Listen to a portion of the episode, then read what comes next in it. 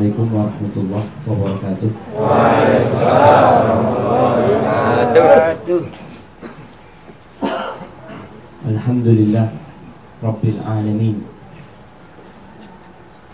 والصلاة والسلام على سيد المرسلين وإمام المتقين قائد الغر المحجلين سيدنا ومولانا محمد وعلى آله وأصحابه أجمعين.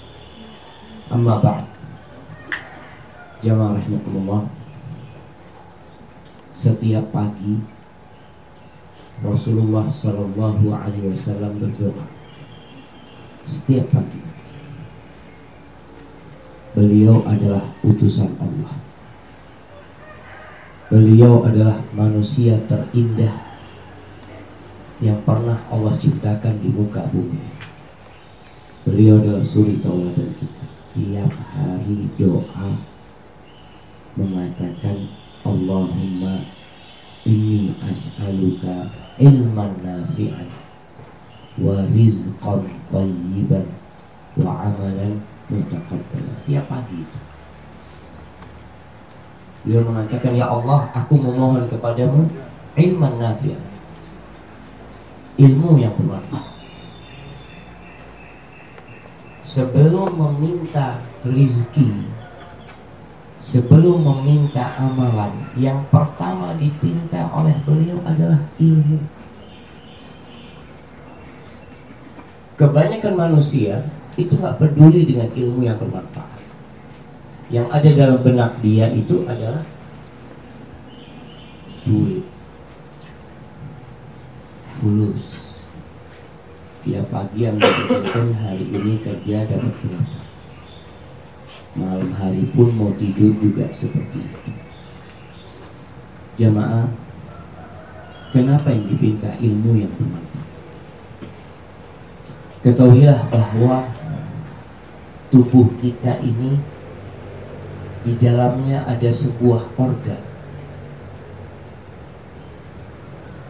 yang kata Nabi Shallallahu Alaihi Wasallam, "Ida saluha saluhal jasadu kullu."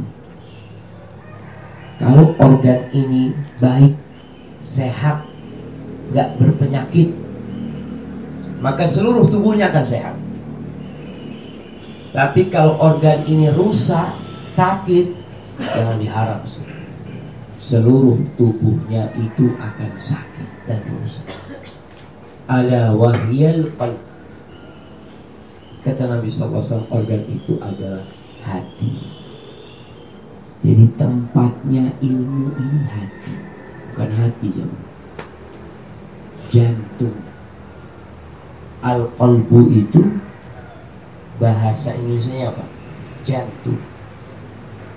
Yang kalau jantungnya sehat selesai. Kena serangan jantung habis orang itu. Ilmu ini adalah obat untuk jantung. Tapi ilmu yang bermanfaat. Ilmu yang tidak bermanfaat jantungnya tambah sakit. Oleh karena itu seorang hamba hendaklah peduli dengan jantungnya yang menggerakkan seluruh tubuhnya. Coba kita berpikir, tiap hari dapat ilmu bermanfaat enggak? Mencari tidak, berdoa tidak. Yang dicari hanyalah urusan dunia. Teman-teman yang kerja di sini khusus, cobalah mulai berpikir dengan cara membaca doa itu tiap pagi. Habis subuh baca Allahumma inni as'aluka ilman nafi ilmu yang bermanfaat. Ilmu yang bermanfaat itu adalah ilmu yang mendekatkan kita kepada Allah subhanahu wa ta'ala. Kadangkala di Indonesia ini ada ilmu macam-macam. Ada ilmu sihir ilmu kebal. Karena dulu waktu di pesantren itu ya namanya kita orang nggak ngerti. Kita belajar bahasa orang dulu. Dipukul itu tidak mempan Anak tanya sama, sama ustadz kita Ustadz ini kok bisa Ustadz kita dipukul ini pakai pisau pakai apa? Siapa yang bantuin kita? Malaikat. Udah enak eh, malaikat disuruh kongkong-kongkong tapi sebagian orang berpikir itu ilmu bermanfaat. Tapi apakah mendekatkan diri kepada Allah?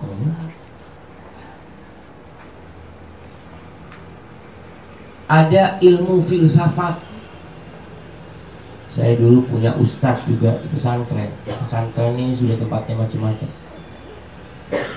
Pesantren punya ustadz kuliah di perguruan tinggi Islam dapat tiga bulan empat bulan ustadz kita tidak sholat. Katanya ustadz kok nggak sholat ustadz sekarang ustadz iya makomnya kita beda. Mulai meneng dia mengatakan Allah berfirman Aqimis sholat li zikri Dirikan sholat untuk mengingat. Jadi kalau orang sudah ingat sama Allah Tidak perlu sholat. Tujuan sholat itu adalah mengingat Allah. Kira-kira Antum kalau dapat ilmu Dapat ustadz kayak gitu Besoknya mungkin berhenti sholat juga. Yadkurullah ala kulli ahyani. Beliau itu tidak pernah lepas dari mengingat Allah.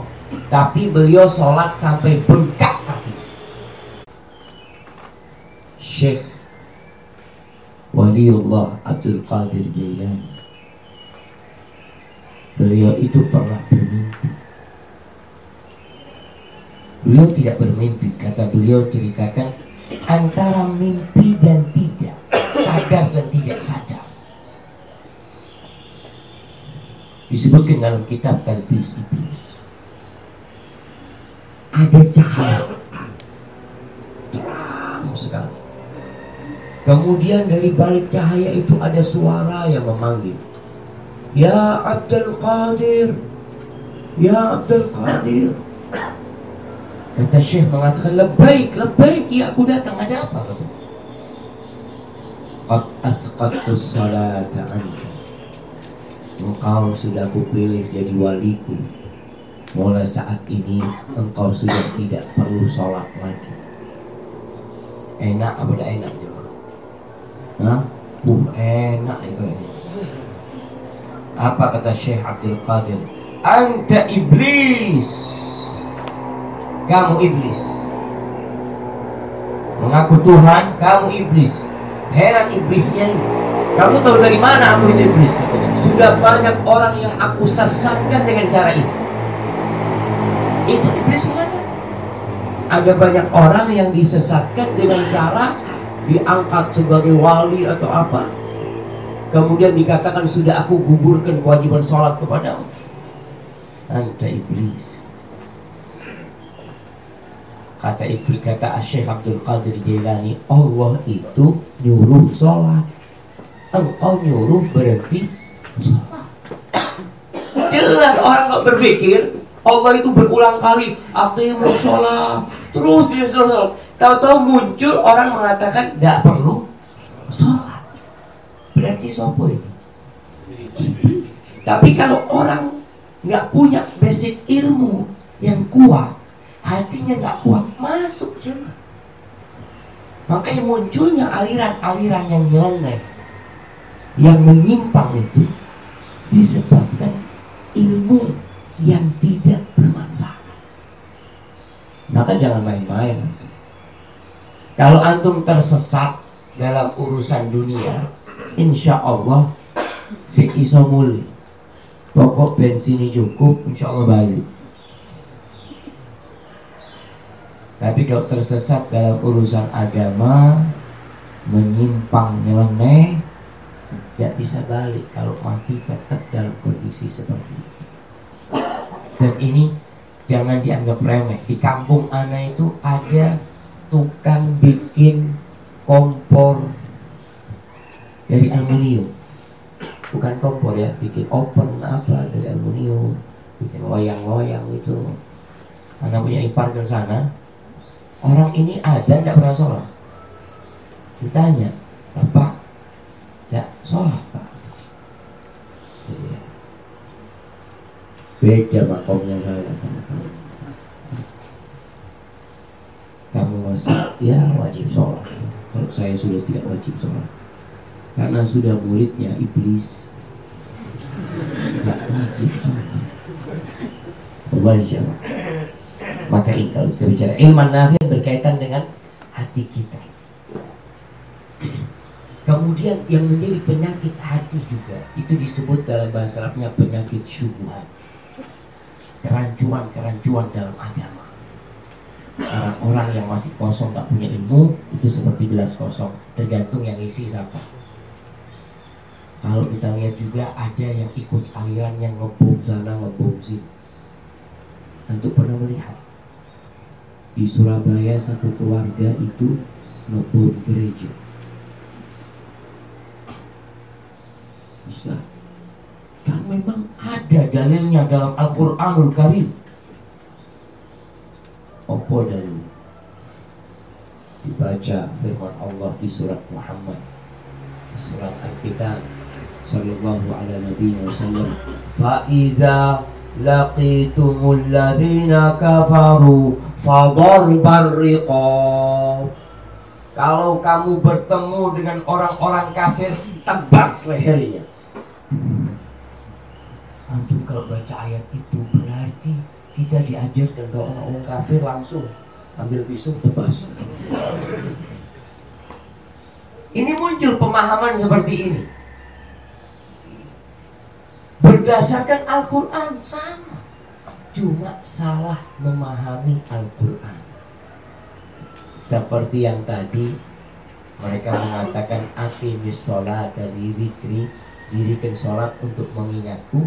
Berarti kalau sudah ingat nggak perlu sholat nah, ya pahami seperti kemudian apabila bertemu orang kafir tebas lehernya itu firman Allah ketika perang Masa ketika perang ketemu orang kafir, Assalamualaikum. Tidak mungkin lah. Dalam kondisi perang antum tersenyum sama musuh-musuh. Jadi perintah ini pada hakikatnya seperti perintah panglima, perintah Allah Subhanahu wa taala jemaah. Kalau kita di Indonesia, panglima perang umpamanya, komandan mengatakan kepada anak buahnya ketika perang di Timur Timur umpamanya. Apa perintahnya komandan? Ketemu Franklin, habis. Masa ketemu Franklin ajak makan bersama? Tidak mungkin.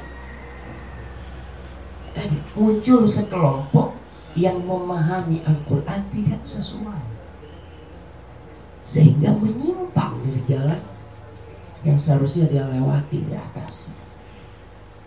Maka solusinya adalah mencari ilmu yang bermanfaat. Saya hati-hati coba.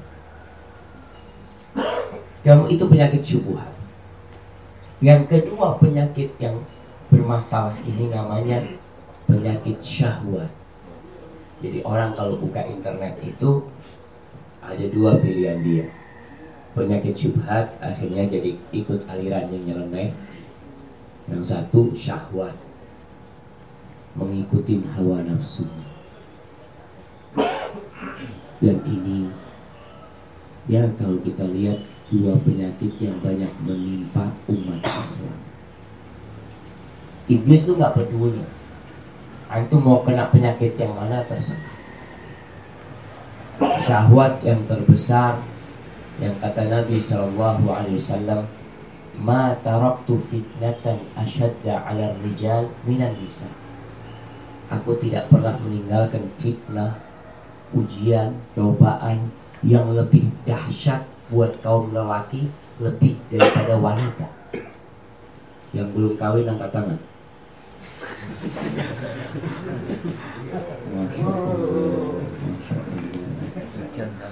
Nih. Yang nikah saja masih tergoda dengan wanita. Yang nikah apa yang nikah nggak tergoda lihat perempuan anak biasa biasa aja oh dia itu kecuali sudah mati itu nggak akan tergoda. Tapi kalau masih hidup, apalagi yang bekerja di tempat seperti ini, itu yang datang kan macam-macam.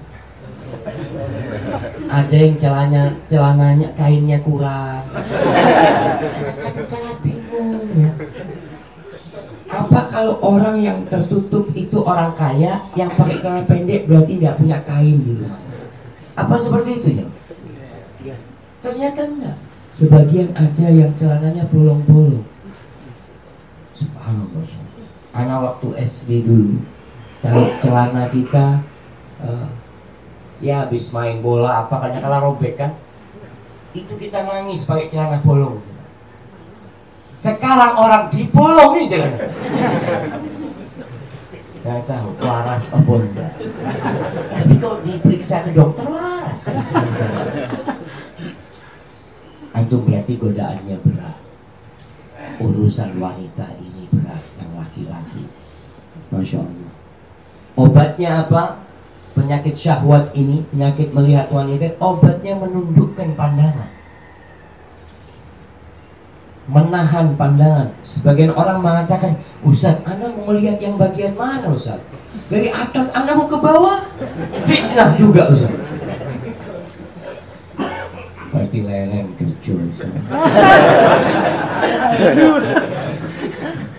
coba cuma itu godaan yang besar sekali dan Allah itu ya'lamu kha'inatan a'yun Allah itu tahu dengan pandangan-pandangan yang berkhianat. Pura-pura mandang ke sana padahal ke sini.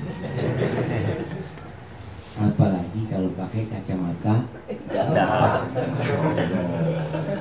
Kayaknya orang yang soleh gitu ke depan padahal sudah ke mana matanya.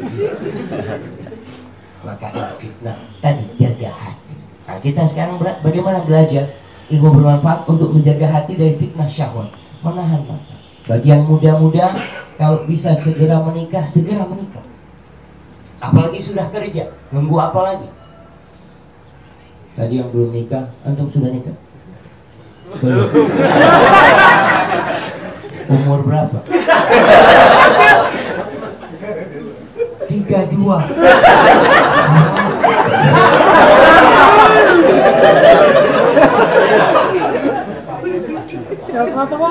Tiga dua.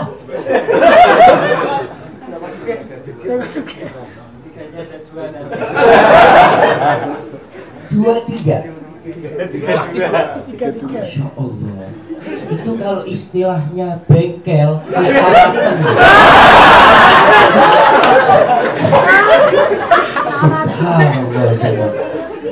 Kenapa tidak nikah?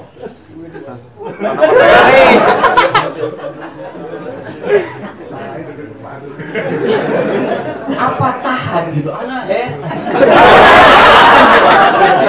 Ini orang-orang khusus. Nah, apa penyebabnya? Kita ini disik sama yang bisa jawab cuma dia. Amitnya dipegang. Nah. Langsung dipegang, gak usah diobat-obat. Nah. jujur tadi. Kita mau bohong. Kayak kayak serampek.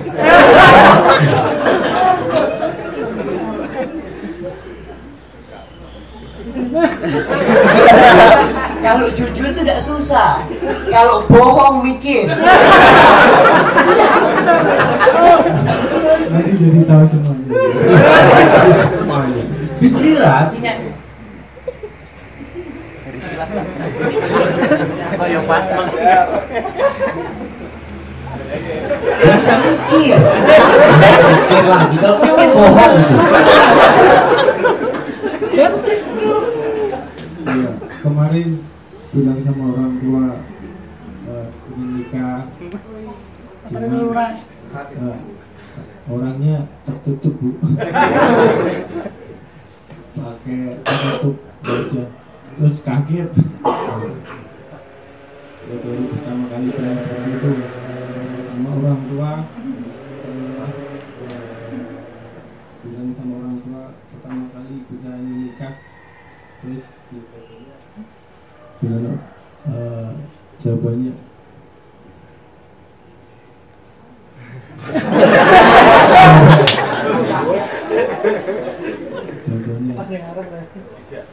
Ojo.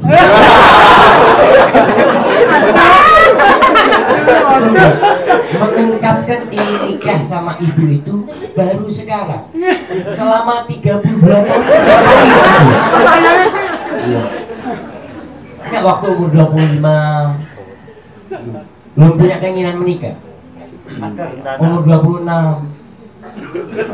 belum juga oh, jadi telat gitu Iya bisa dikatakan seperti itu Pak. Ya memang seperti itu. Masalah Rasulullah Shallallahu Alaihi Wasallam mengatakan berkaitan dengan fitnah wanita ini jemaah. Kata Rasul SAW Beliau mengatakan Ya ma'syaral nisa Wahai kaulah muda istata'a minkumul ba'a falyatazawwaj. Barang siapa yang punya kemampuan untuk menikah Hendaklah menikah Kenapa disuruh menikah? Fa innahu aghaddu basar wa ahsanu lil Karena menikah itu akan bisa membuat menahan pandangan mata. Memelihara kemaluan. Jadi dia bisa terjaga dari berzina. Itu kenapa disuruh menikah. Orang kalau nggak sengaja melihat wanita, kemudian nafsunya tergoda,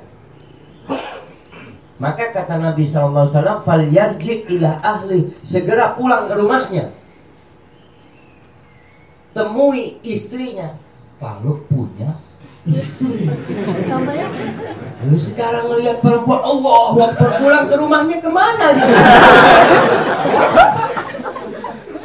Maka disuruh menikah supaya kalau nafsunya itu tergoda disalurkan kepada yang halal.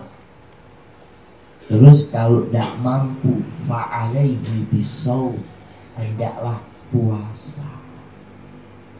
Fa'innahu lahu wija. Puasa itu menjadi tamen.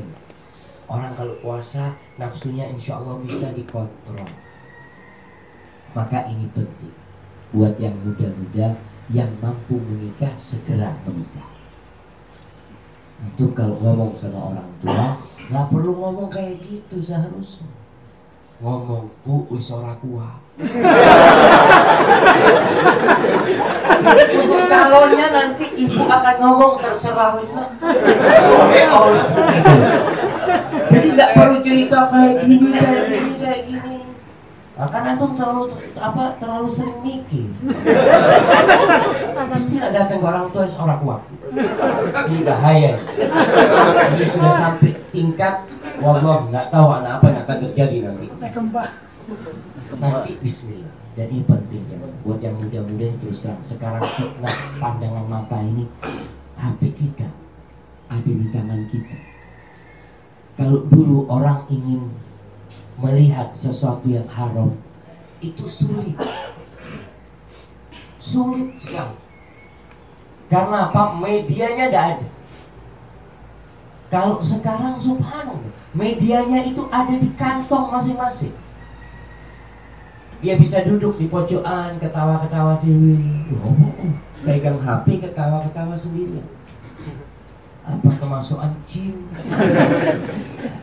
ada setan mungkin yang sedang mendampingi dia. Maka untuk fitnah yang satu ini hendaklah kita menahan pandangan mata.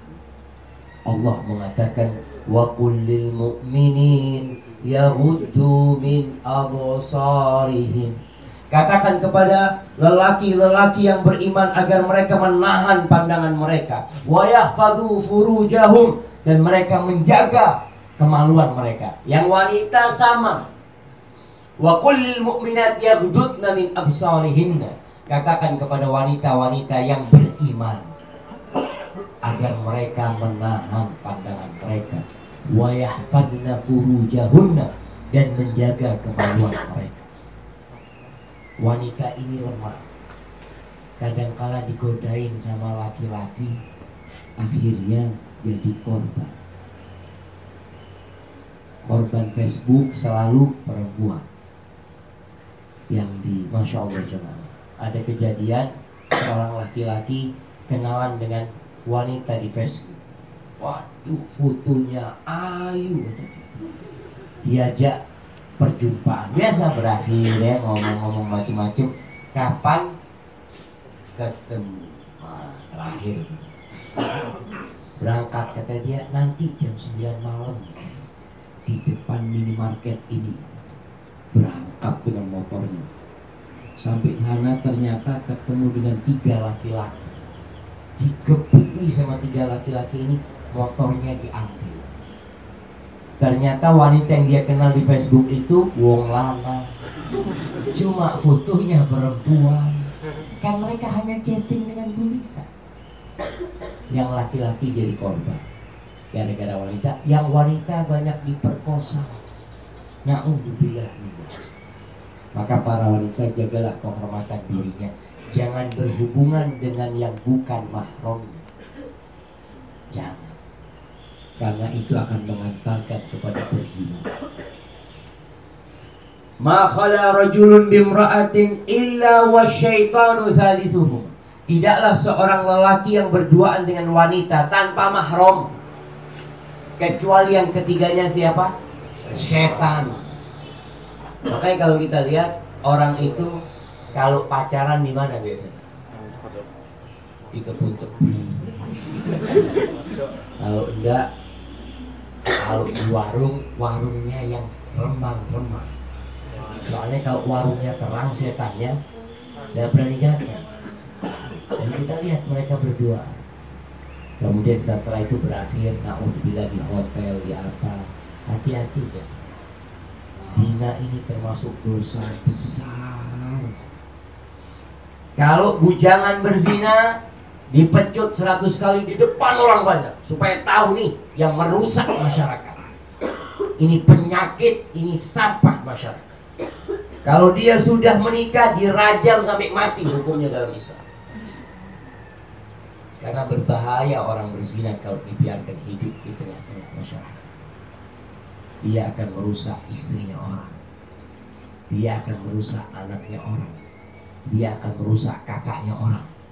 Makanya ketika ada seorang seorang lelaki, ada pemuda di masa Nabi SAW meminta izin untuk berzina. Minta izin berzina. Datang kepada Nabi SAW mengatakan, Ya Rasulullah, I'zan li bizina. Wahai Rasul wasallam, izinkan aku untuk berzina. Zina minta izin. Karena dia tahu zina dosa besar. Tapi pemuda ini dia nggak tahan dengan wanita. Lalu ditanya sama Nabi SAW Atarbahu li ummik Apakah engkau ridho Ibumu dizinain sama orang Engkau kan mau berzina. Engkau minta izin mau berzina. Tanya, engkau berzina ini mesti kalau enggak sama perempuan yang sama siapa? Perempuan itu bisa jadi ibunya orang. Apakah engkau ridho ibumu dizinain sama orang? Ya enggak ya Rasul SAW. Hai, apakah engkau ridho adik perempuanmu, kakak perempuanmu dizinain sama orang? Ya enggak. Kalau engkau punya anak perempuan, apa engkau ridho anak perempuanmu dizinain sama orang? Ya enggak Rasul SAW. Apakah engkau ridho bibi perempuanmu dizinain sama orang? Enggak ya Rasul SAW. Lalu Rasul SAW mengatakan, walan nasir Orang-orang juga nggak mau. Engkau sekarang minta izin berzina, berzina sama siapa? Sama anak perempuannya orang, sama saudarinya orang, sama ibunya orang. Maka kalau engkau nggak mau, maka jangan berzina. Lalu Rasul SAW mendoakan pemuda ini, ditepuk dadanya.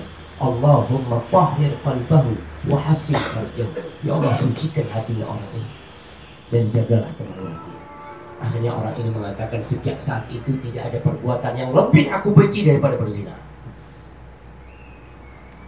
Dan zina itu utang. kalau antum pernah zina sama anaknya orang hati-hati kalau antum nggak bertobat anaknya antum mungkin diperkosa kalau antum berzina sama istrinya orang hati-hati Allah tuh nggak pernah tidur antum nggak akan dijaga keluarga yang bisa jadi istrinya antum dizinain sama tetangga maka kita diperintahkan untuk menjaga diri kita menjaga anaknya orang supaya kalau kita punya anak juga dijaga sama Allah Subhanahu Ini berkaitan dengan syahwat. Syahwat kepada wanita. Syahwat yang kedua syahwat kepada harta. Kenapa kok masih banyak pejabat yang akhir hidupnya di penjara? Kemarin Anda membaca sampai detik ini sudah 100 kepala daerah yang meringkuk di penjara KPK 100 di Jawa Timur ada tujuh. Bupati wali kota di penjara apa penyebabnya syahwat harta kenapa orang mencuri kenapa orang merampok Kenapa orang korupsi? Karena ingin fulus. Dan Rasul Shallallahu Alaihi Wasallam juga mengatakan, "Likulli ummatin fitnah, wa fitnatu ummati almal." Kata Nabi Shallallahu Alaihi Wasallam, semua umat itu ada fitnah.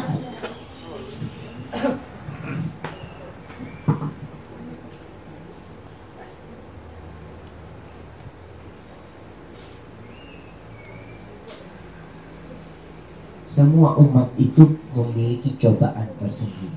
Dan fitnah umatku adalah harta. Maka kita harus belajar Mana yang halal, mana yang haram. Jangan sampai antum bawa pulang yang sudah menikah Bawa pulang dikasihkan kepada istri anaknya Makanan yang haram antum sudah belum menikah bawa uang dikasihkan kepada ibunya. Ibunya makan haram kesian. Sehingga doa-doa kita nggak dikabulkan gara-gara makan dan terus terang kalau kita lihat di negeri kita Allah urusan fitnah harta ini apalagi kalau ekonomi sedang sulit. Begal kenapa banyak begal? Nggak tahu di Gunung Pati ada begal? Ada nggak pencurian motor, fitnah Bagaimana ngobatin supaya tidak terfitnah dengan harta? Yang pertama antum ribolah dengan pemberian Allah. Ini alhamdulillah yang penting halal. Halal walaupun sedikit tapi berkah insya Allah cukup buat dunia. Tapi kalau haram walaupun banyak ada gunanya. Pernah melihat perampok kaya raya aja? Perampok dapat duit 1 M seminggu hilang. 1 M. Kalau antum dikasih duit 1 M halal kira-kira berapa tahun antum habiskan Insya Allah bisa jadi rumah. Insya Allah bisa jadi mobil. Insya Allah bisa jadi usaha. Karena halal. Tapi yang haram Makanya rata-rata perampok-perampok itu Dapat duit Buat minum-minum Buat berzina Habis. Rampok maka jangan pernah berpikir mau cepat kaya dengan jalan yang haram. Fitnah harta tolong dijaga. Fitnah harta membuat orang beli motor kredit. Itu fitnah harta. Dia punya duit 3 juta. Bisa beli motor harga 3 juta. Ada motor harga 3 juta coba. Bagus motor 3 juta kita di Jember itu punya tim kerjanya dakwah. Dulu kita beli motor harga 2 juta 700 Alhamdulillah. Tapi karena fitnah harta malu sih kalau naik motor yang bekas antum lalu naik motor baru tapi kredit kreditnya riba. Antum harus bayar bunga. Bisa. Itu karena fitnah harta maka lebih baik ditinggalkan karena Allah mengumumkan perang kepada pelaku. Bismillah. Anda alhamdulillah pakai motor harga 2 juta setengah tapi milik sendiri. Kredit itu utang. Antum bangga tapi punya utang.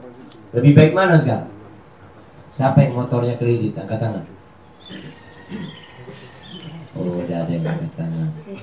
Masya Allah. Gak malu antum punya utang.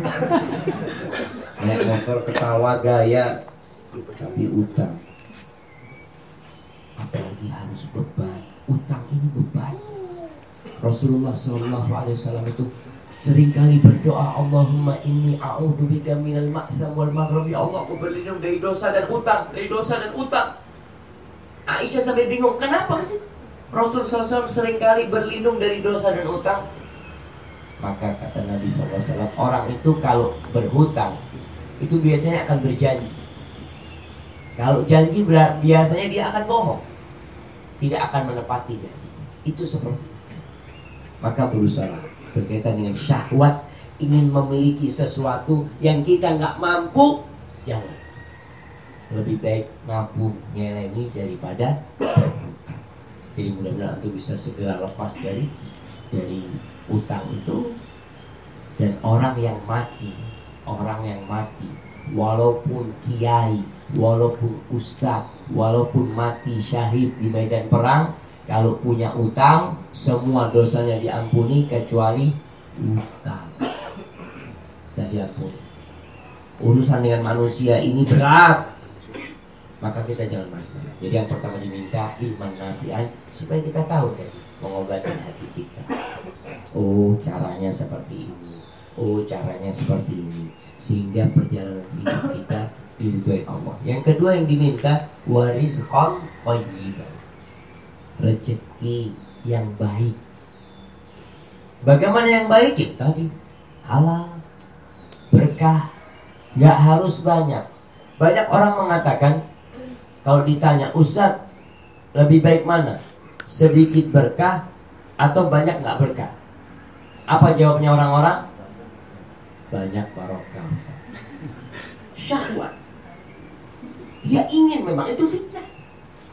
Tapi kita usahakan dapat rezeki yang taib. Antum bawa pulang ke rumah jadi daging. Buat anak-anak Anaknya alhamdulillah tumbuh besar, bisa sekolah dengan uang yang halal. Jamaah pernah di Arab Saudi itu ada seorang namanya Muhammad Al-Fatih. Ibrahim Al-Fatih, Ibrahim Al-Fatih. Dia itu manajernya GM-nya Hilton Hotel di Mekah. Dia cerita ketika dia pulang dari Amerika ke Saudi, dia kerja di bank. Akhirnya singkat cerita, ibunya minta dia keluar dari bank. Janganlah, nah keluar kau dari bank. Allah murka dengan orang-orang yang melakukan riba. Kau menjadi pembantu riba di sana. Gajinya 11 ribu real. 11 ribu realnya sekarang 43 juta. Gaji gaji pertama dia kerja. Baru pulang ini baru setahun lah dia pulang. Akhirnya ibunya nyuruh dia keluar dia terpaksa sudah. Dia menurutin mentaati ibunya. Dia keluar dari kerjaan jadi resepsionisnya hotel. Resepsionis. Gajinya cuma 4 ribu real. Dari 11 ribu jadi 4 ribu. Dia cerita subhanallah waktu anak dapat gaji 11 ribu itu selalu habis. Tengah bulan itu habis. Yang anak sakit, yang mobil rusak, yang butuh ini, butuh itu, jadi bocor itu coba duit itu. Akhir bulan kadang kala utang.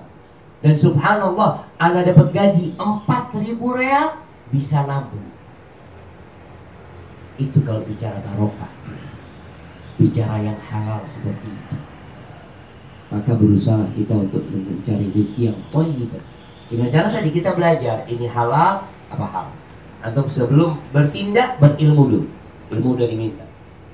Supaya jangan sampai kita melakukan sesuatu yang dimurkain Allah tapi mengatakan oh ternyata nggak boleh Ustaz ya anak baru tahu tugasnya itu kan belajar tapi akan datang satu masa Kata Nabi SAW, Ya'ti ala nasi zamanun. Akan datang satu masa kepada manusia yang orang-orang nggak peduli tentang hasil buat hidup dia. Amin halalin iktasabahu amin haram. Dapat dari halal atau haram nggak peduli. Yang penting oleh duit. Datang masa seperti itu. Ya sekarang kita melihat. Melihat ya dari tingkat yang paling rendah, yang mencuri sampai yang korupsi. Itu yang korupsi itu bukan orang miskin jangan orang-orang kaya. Tapi kenapa masih korupsi? Karena nggak ridho dengan apa yang mereka terima. Maka tolong minta yang Taibat yang ketiga diminta oleh Nabi SAW adalah apa? Wa amalan mutaqabbala. Amalan yang diterima. Berarti dalam kehidupan ini Jangan asal beramal. Yang penting sholat. Loh jangan yang penting sholat. Yang penting puasa Jangan yang penting puasa. Tapi berusaha puasa capek tapi diterima. Kalau antum yang penting puasa terus tidak diterima, apa gunanya? Kayak orang kerja di satu perusahaan, kerja dari pagi sampai sore, terakhir dia minta gaji sama bosnya enggak, enggak ada gaji. Tuh, kenapa enggak ada gaji? Saya sudah kerja dari pagi sampai sore. Iya, tapi kerjaanmu enggak benar. Saya suruh bikin gelas yang lurus kayak gini, kamu kasih pegangan. Loh, kan menurut saya bagus kasih pegangan, Pak. Enggak, kita punya standar. Kita mau jualan gelas kayak gini nggak ada pegangannya. Kamu bikin ada pegangannya. Kita nggak terima. Berarti tidak hasa, tidak hanya asal beramal, tapi beramal yang diterima. Contohnya sholat. Kita hafal semua firman Allah Fawailul lil musalli Celaka buat orang-orang yang sholat Yang nggak sholat jangan ditanya Ana izin minum dulu jamaah. Masyaallah.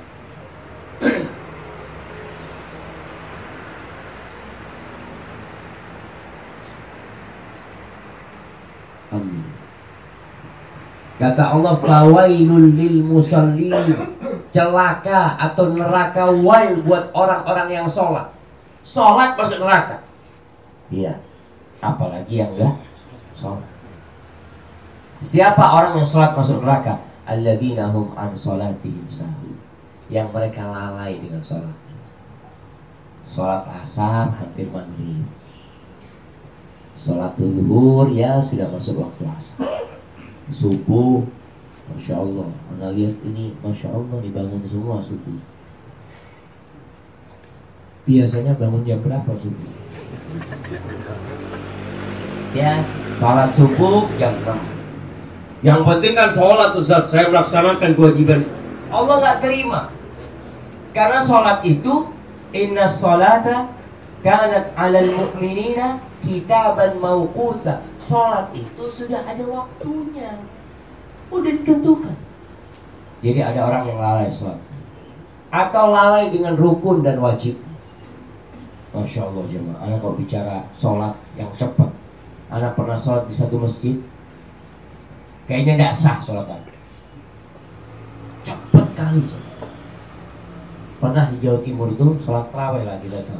Ada yang sholat terawih 20 rakaat atau 23 rakaat hanya 7 menit. Atau nggak pengen nyoba. itu katanya yang ikut sholat gimana bapak? Itu orang-orang dari tempat jauh datang untuk merasakan sholat di sana. Bagaimana sholat di sini? Uh, enak ternyata sama badan kita. Sholat kok enak sama badan? Ini bukan olahraga, Pak. Kalau enak badan berenang itu lari gitu. Sholat itu enak dengan hati. Dia berkeringat. Kita bukan mau berkeringat, hati-hati. Jangan sampai masuk alladzina hum an sholatihim sahum Ada yang wudhu Kadang-kala orang wudhu cepat-cepatan sampai sikunya nggak basah. Cuci kakinya, ujung belakang kakinya nggak basah. Sahur yang penting sholat. Ini banyak di masyarakat kita. Jangan yang penting sholat. Tapi sholatlah yang diterima. Alladzina hum yura'un sholatnya riak. Sholatnya pencitraan. karena kerja di Grebel harus sholat waktu agan akhirnya terpaksa sholat terpaksa sholat kalau di rumahnya tidak sholat. Nggak berguna untuk sholat. Sholat ini kewajiban setiap muslim bukan kewajiban di tempat kerja kita. Memang jamaah ada sebuah perusahaan yang anda datang ke sana masya Allah. Ditulis itu di aturan kan aturan tempat kerjanya. Sholat berjamaah. Dia katakan yang tidak sholat berjamaah sekali SP1 yang sholat, yang tidak sholat berjamaah dua kali SP2 yang tiga kali tidak sholat berjamaah silahkan cari kerja di tempat lain kenapa? karena dia kita ingin usaha tidak hanya berbagi harta sama karyawan kita kita ingin bawa karyawan kita untuk bersama-sama masuk surga yang pertama dihisap pada hari kiamat itu apa? sholat ya. maka hati-hati jangan sampai kita sholat asal-asalan bagi waktunya semau kita kemudian dia. Sayang niatkan lillahi bedanya orang riak sama tidak di mana? Ya kantung lihat kalau sholat bersama orang sama sholat sendirian. Kalau antum sholat sendiri di rumah umpamanya gimana sholat antum? Karena ada orang yang sholat karena dilihat orang. Habis sholat duhur sholat sunnah ba'diyah kenapa antum sholat sunnah ba'diyah iya karena banyak yang melihat. Kalau nggak ada yang susah sholat. Sunnah lihat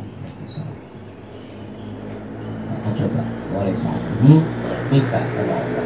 Tiap pagi kita berdoa Allahumma ini as'aluka ilman nafi'an wa rizqan tayyiban wa amalan mutaqabbala. Ya Allah yang bagian kiri baca. Allahumma ini as'aluka ilman nafi'an wa rizqan tayyiban wa amalan mutaqabbala nah antum ya kasihkan kepada apa artinya?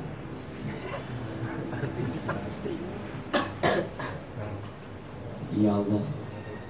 Berikanlah itu ilmu yang bermanfaat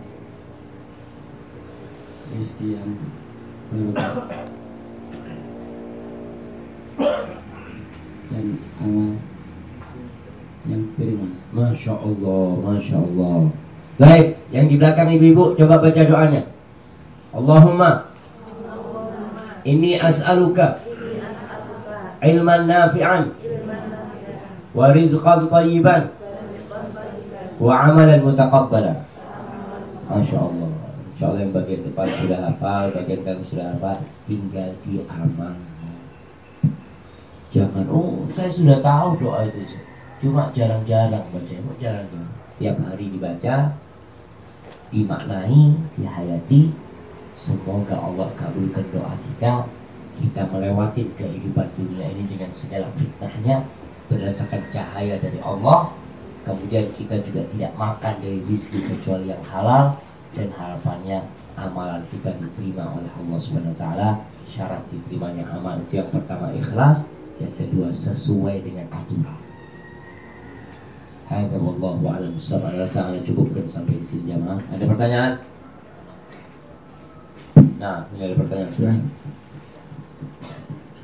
Assalamualaikum warahmatullahi wabarakatuh Waalaikumsalam warahmatullahi wabarakatuh. Mau tanya kan semisal kita ambil misalkan kredit Tapi kreditnya sudah selesai Barangnya itu masih ada Hukumnya gimana? Pak? Nah, Assalamualaikum warahmatullahi wabarakatuh Waalaikumsalam warahmatullahi wabarakatuh. Jamaah sejatinya kredit dalam Islam itu ada. Boleh kredit dalam Islam itu. Tapi yang tanpa riba. Terus bagaimana sekarang kalau kredit pakai riba? Dosa. Lalu bagaimana kalau sudah selesai saat barang itu sudah anak kredit, pakai kredit rumah, kredit motor, anak sudah bayarin, yang antum harus lakukan pertama adalah bertobat dari dosa itu. Barangnya halal, tapi sistem mendapatkannya yang tidak sesuai. Sehingga jangan dianggap remeh, jangan. Antum telah menjadi pelaku riba di sana. Kalau kreditnya memang pakai sistem riba.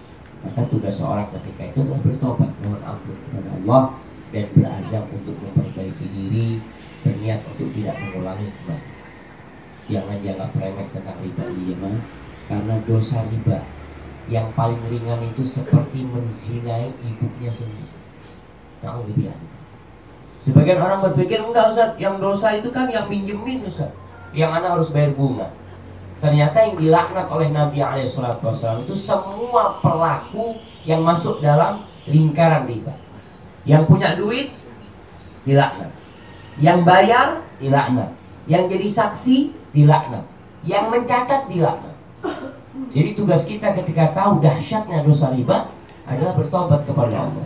Kalau memang sudah bagaimana Ustaz Anda nggak ngerti dulu hukumnya ya sudah berusaha untuk diselesaikan urusannya mohon ampun sama Allah dan mudah-mudahan yang dimiliki jadi berkah karena Allah mengampuni itu.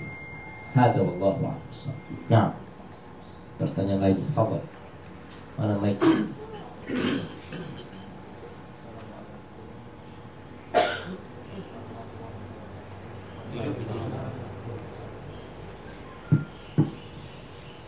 saya mau tanya bagaimana eh, kiat-kiat uh, agar kita bisa bertakwa di mana pun kita berada.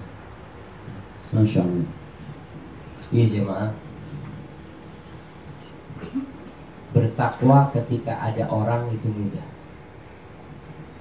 Bertakwa ketika bersama-sama itu mudah. Tapi bertakwa dalam kondisi kita sendirian itu berat pesan Rasul SAW adalah ittaqillaha haitsu Bertakwalah kepada Allah di mana pun engkau berada. Di mana pun engkau berada. Mau berada di tempat kerja, mau di kamar, mau di rumah. Wa'at bi isayyatal hasanatal Lalu kata Nabi SAW, ikutilah perbuatan dosamu dengan perbuatan kebajikan. Artinya tidak orang yang selamat, tidak ada orang yang selamat dari dosa. Ketika melakukan dosa, langsung tobat dan ikuti dengan amal soleh untuk menghapuskan dosa itu. Yang ketiga pesan Nabi SAW wa khalidin nas bi hasan. Hendaklah engkau bergaul dengan manusia dengan akhlak yang baik. Tapi bagaimana sekarang supaya kita bisa menjaga takwa itu di saat sendirian dan saat ramai-ramai? Kiatnya yang pertama adalah mengenal Allah Subhanahu wa seorang pekerja yang senantiasa diawasi sama bosnya. Itu kerjanya benar. Kuli bangunan anak masih ingat kuli bangunan itu? Kalau ada mandornya masya Allah sergap. Oh, kerja mandornya pergi langsung duduk-duduk kok robokan. Karena merasa diawasi. Dan kita tahu Allah itu senantiasa mengawasi kita dan dihadirkan perasaan akunya dilihat. Aku nanti mau dilaporkan. Aku ini dicatat tuh. Maka perasaan itu insya Allah akan mendorong kita untuk bertakwa di mana pun kita berada. Kemudian yang kedua banyak-banyak berzikir. Zikrullah. Jadi buat teman-teman yang kerja di sini berusaha masuk rumah bikin mau tidur bikin sendirian berzikir lagi bekerja, lagi nyapu, lagi yang bagian apa, yang bagian goreng, bagian bawa sesuatu dikir, tambahin dengan sholawat Allahumma salli wa sallim ala Muhammad. Terus berusaha untuk dibandingin dengan dikir karena dikir itu termasuk benteng yang menyelamatkan kita dari godaan syaitan. Mudah-mudahan dengan cara seperti itu ya kita bisa menjaga iman kita ketakwaan kita sambil terus berdoa minta minta bukan cuma minta minta duit minta rezeki. Takwa itu diminta. Di antara doa Nabi SAW Allah ini as'alukal huda wa tuqa wal afafa wal minta ketakwaan kepada Allah SWT Hada wallahu a'lam Nah. Mic-nya. Assalamualaikum warahmatullahi wabarakatuh. Waalaikumsalam warahmatullahi wabarakatuh. Anak mau bertanya Ustaz? Uh, Bagaimana kiat-kiat menjadi pemimpin yang baik uh, menurut Islam baik itu di dalam uh, rumah tangga maupun di tempat kerja. Masya Allah, Masya Allah. Iya. Kalau kita bicara pemimpin yang baik jamaah, Pemimpin yang baik adalah pemimpin yang melaksanakan tugasnya. Adalah pemimpin yang bertanggung jawab. Adalah pemimpin yang adil. Bagaimana menjadi pemimpin yang baik? Di mana pun, apalagi rumah tangga. Dalam rumah tangga ketika seorang menjadi pemimpin, dia bertanggung jawab. Tugas terbesar pemimpin dalam rumah tangga itu bukan hanya kasih makan, bukan hanya memberikan kesejahteraan kepada keluarganya di dalam rumah, tapi tugas terbesar dia adalah menyelamatkan keluarganya dari api neraka. Terus bagaimana menjadi pemimpin yang baik? Ya belajar harus berilmu, harus ngajarin anaknya, ngajarin istrinya. Kalau dia nggak punya ilmu, maka bagaimana orang yang bodoh akan memberikan pengetahuan kepada orang-orang yang bodoh pula? Yang ada dia akan menyesatkan mereka. Di tempat bekerja pun seperti itu. Hadirkan di dalam diri bahwasanya anak punya kewajiban untuk melaksanakan tugas anak. Anak-anak buah ketika hendak menegur mereka ada banyak cara. Maka jadilah pemimpin yang profil, pemimpin yang lembut. Pemimpin yang ketika menegur itu bukan hanya ingin melecehkan anak buahnya, tapi dia panggil, dia dudukkan, dikasih nasihat. Nasihat yang dibungkus dengan cinta, Rasul SAW itu menegur para sahabat tapi dengan cara yang bijak, dengan cara yang baik. Kemudian hendaklah pemimpin itu tidak hanya di tempat kerja, bukan hanya mengarahkan pekerjaannya kepada pekerjaan yang baik dalam urusan ini, tapi juga mengingatkan dalam urusan ibadahnya juga. Dan biasanya pemimpin itu walaupun baik tetap ada rakyat yang tidak suka sama dia maka tugasnya adalah bersama. Umar bin Khattab siapa yang nggak kenal sama Umar bin Khattab? Tapi ternyata matinya Umar dibunuh oleh siapa? Oleh orang Majusi yang mereka tidak suka dengan Umar bin Khattab radhiyallahu Dan Umar bersyukur alhamdulillah anak tidak mati di tangan orang Islam. Anak mati di tangan orang Majusi.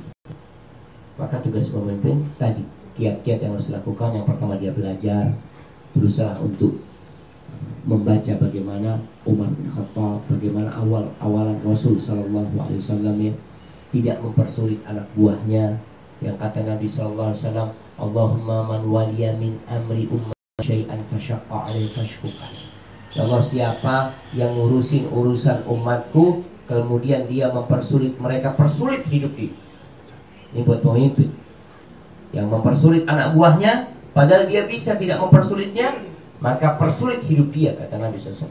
Waman waliya min amri ummati syai'an farafaqa bihim farfuq Siapa saja di antara umatku yang ngurusin urusan umatku. Kemudian dia berlemah lembut dengan mereka, memudahkan mereka, mudahkan hidup dia.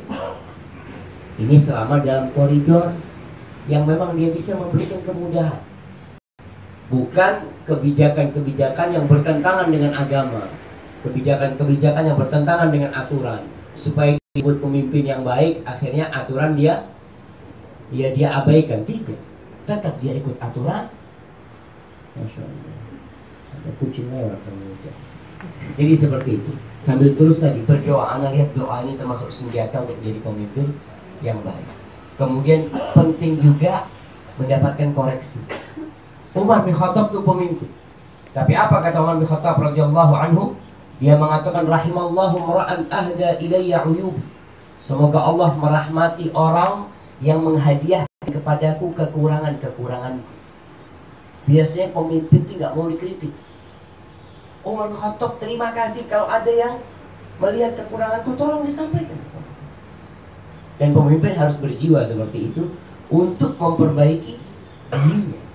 Karena kalau tidak seperti itu, siapa yang akan memberikan masukan kepada dia? Jadi kalau bisa kalau jadi pemimpin di suatu perusahaan ada kotak kotak masukan kadang-kadang kan anak buah kalau mau negur pemimpinnya kan tidak enak tapi kalau dia tulis ya yang istilahnya sekarang surat kaleng. Bukan surat kaleng soal surat. Dengan kata-kata yang baik ya. Masukin ke sana sehingga pemimpinnya bisa memperbaiki dirinya dan bisa memberikan kesejahteraan yang lebih kepada bawahan dia. Seperti itu. Dan musyawarah. Usahakan untuk mengambil ketika mengambil kebijakan duduk musyawarah. Karena Rasul SAW diperintahkan untuk bermusyawarah. Itu Nabi dapat wahyu masih musyawarah. Bagaimana dengan kita anak buah itu kalau diajak musyawarah walaupun pendapatnya nggak diambil tapi dia suka karena masih ada yang mau mendengarkan.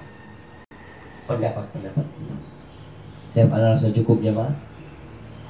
Masya Allah. Terakhir terakhir. Nah mana mic-nya?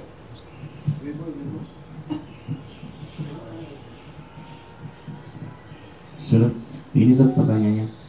Berkaitan tadi kan ada teman-teman yang bercerita tentang menjadi seorang pemimpin yang baik. Pertanyaannya sampai sedetail apa pertanggungjawaban yang nanti akan ditanyakan oleh Allah? Misalnya ada teman-teman yang sekarang ini kondisinya belum nikah, apakah itu juga menjadi pertanyaan yang nanti? Gimana anak buahmu kok belum nikah padahal sudah sudah ikut bersama dirimu itu sah pertanyaannya. Terus kemudian uh, kalau sekiranya memang tidak mampu untuk membantu itu apakah ada kemudahan gitu terus yang ketiga Zat, kalau sekiranya misalnya ada seseorang yang bekerja di sebuah perusahaan dulu sebelum bekerja orang ini belum mampu untuk kendaraan terus kemudian pada saat bekerja dapat gaji di setiap bulannya bisa beli kendaraan tapi dengan cara yang riba nah apakah di sini perusahaan juga ikut uh, mempertanggungjawabkan di sisi itu ya Sat? Terima kasih. Masya Allah. Ini sebuah kepedulian dari pemimpin.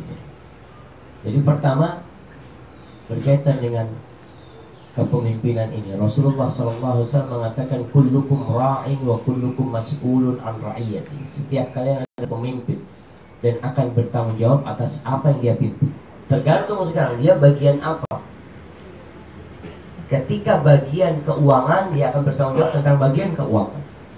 Ketika dia di personalia, bagian personalia. Tapi apakah dia bertanggung jawab dengan segala sesuatu yang berkaitan dengan orang ini umpamanya? Tentunya tidak. Namun yang mendorong dia untuk peduli sama anak buahnya itu urusan agama sekarang. Karena dia saudaramu sesama muslim. Engkau melihat anak buahmu nggak nggak agamanya maka tugas pemimpin adalah memperbaiki dia. Melihat anak buahnya, kalau dari sisi kerjaan dia tidak akan bertanggung jawab. Karena tanggung jawab anak kan berkaitan dengan keuangan. Dia punya sekretaris di keuangan yang nggak sholat. Kan tidak menjadi tanggung jawab dia kepada perusahaan tentang hal itu. Tapi kepada Allah, dia akan bertanggung jawab tentang melihat kemungkaran kemudian dia biarkan. Dan dia punya kuasa untuk menegur. Di situ dia akan bertanggung jawab. Kalau yang belum menikah mah dia bertanggung jawab, eh, dia melihat anak buahnya belum menikah sebagai seorang muslim. Yang kalau atasan ngasih tahu itu akan didengarkan paling tidak. Arahan punya tugas. Antum ditanya nanti, kenapa antum kok nggak ngasih tahu dia? Tapi bukan berarti antum memfasilitasi memfasilitasi dia ya, nyarikan istrinya juga, nyarikan mahalnya juga, terus ngawinkan juga. Oh, ya, seperti itu. Nah, seperti, kalau ada pemimpin kayak gitu, masya Allah jemaah sampai dikasih istri juga gitu nah seperti itu kemudian berkaitan dengan pertanyaan yang selanjutnya. Berkaitan dengan tanggung jawab perusahaan kepada anak buahnya yang bekerja kemudian melakukan riba di sana. Apakah ada unsur dari perusahaan ini yang memudahkan dia untuk melakukan riba atau tidak? Dan tugas sebuah perusahaan yang muslim adalah kembali memberikan arahan kepada anak buah. Anak buahnya mau ambil riba Seharusnya kita jangan, jangan riba. Dan kalau bisa jemaah, perusahaan-perusahaan ini juga kepada mereka. Kalau memang ada yang mau beli mobil, ada yang mau beli motor, itu kreditnya sama perusahaan. Ada perusahaan membelikan barang itu, ya sudah, antum lunasi. Potong gaji, potong gaji, mungkin seperti. Tapi tidak dengan sistem riba. Tapi kalau sistemnya riba, kemudian perusahaan yang memberikan kemudahan, karena banyak terjadi orang kalau mau kredit itu harus tanda tangan ini tanda tangan itu dari perusahaan sehingga perusahaan yang memberikan kemudahan kepada dia bahkan ada perusahaan yang memang kerjasama dengan pihak sana. Jadi bapak kalau ada karyawannya yang mau kredit apa sama kita pak nanti bapak kita kasih sekian sekian. Itu ada seperti itu perusahaan. Kita seharusnya memberikan arahan agar mereka tidak kredit bukan malah memberikan kemudahan. A'lam bishawab ibu-ibu ada yang mau bertanya Jangan pada tidur di belakang. Nah, kayaknya udah. Ada yang bertanya ibu-ibu? Oke, kita cukupkan di sini jamaah.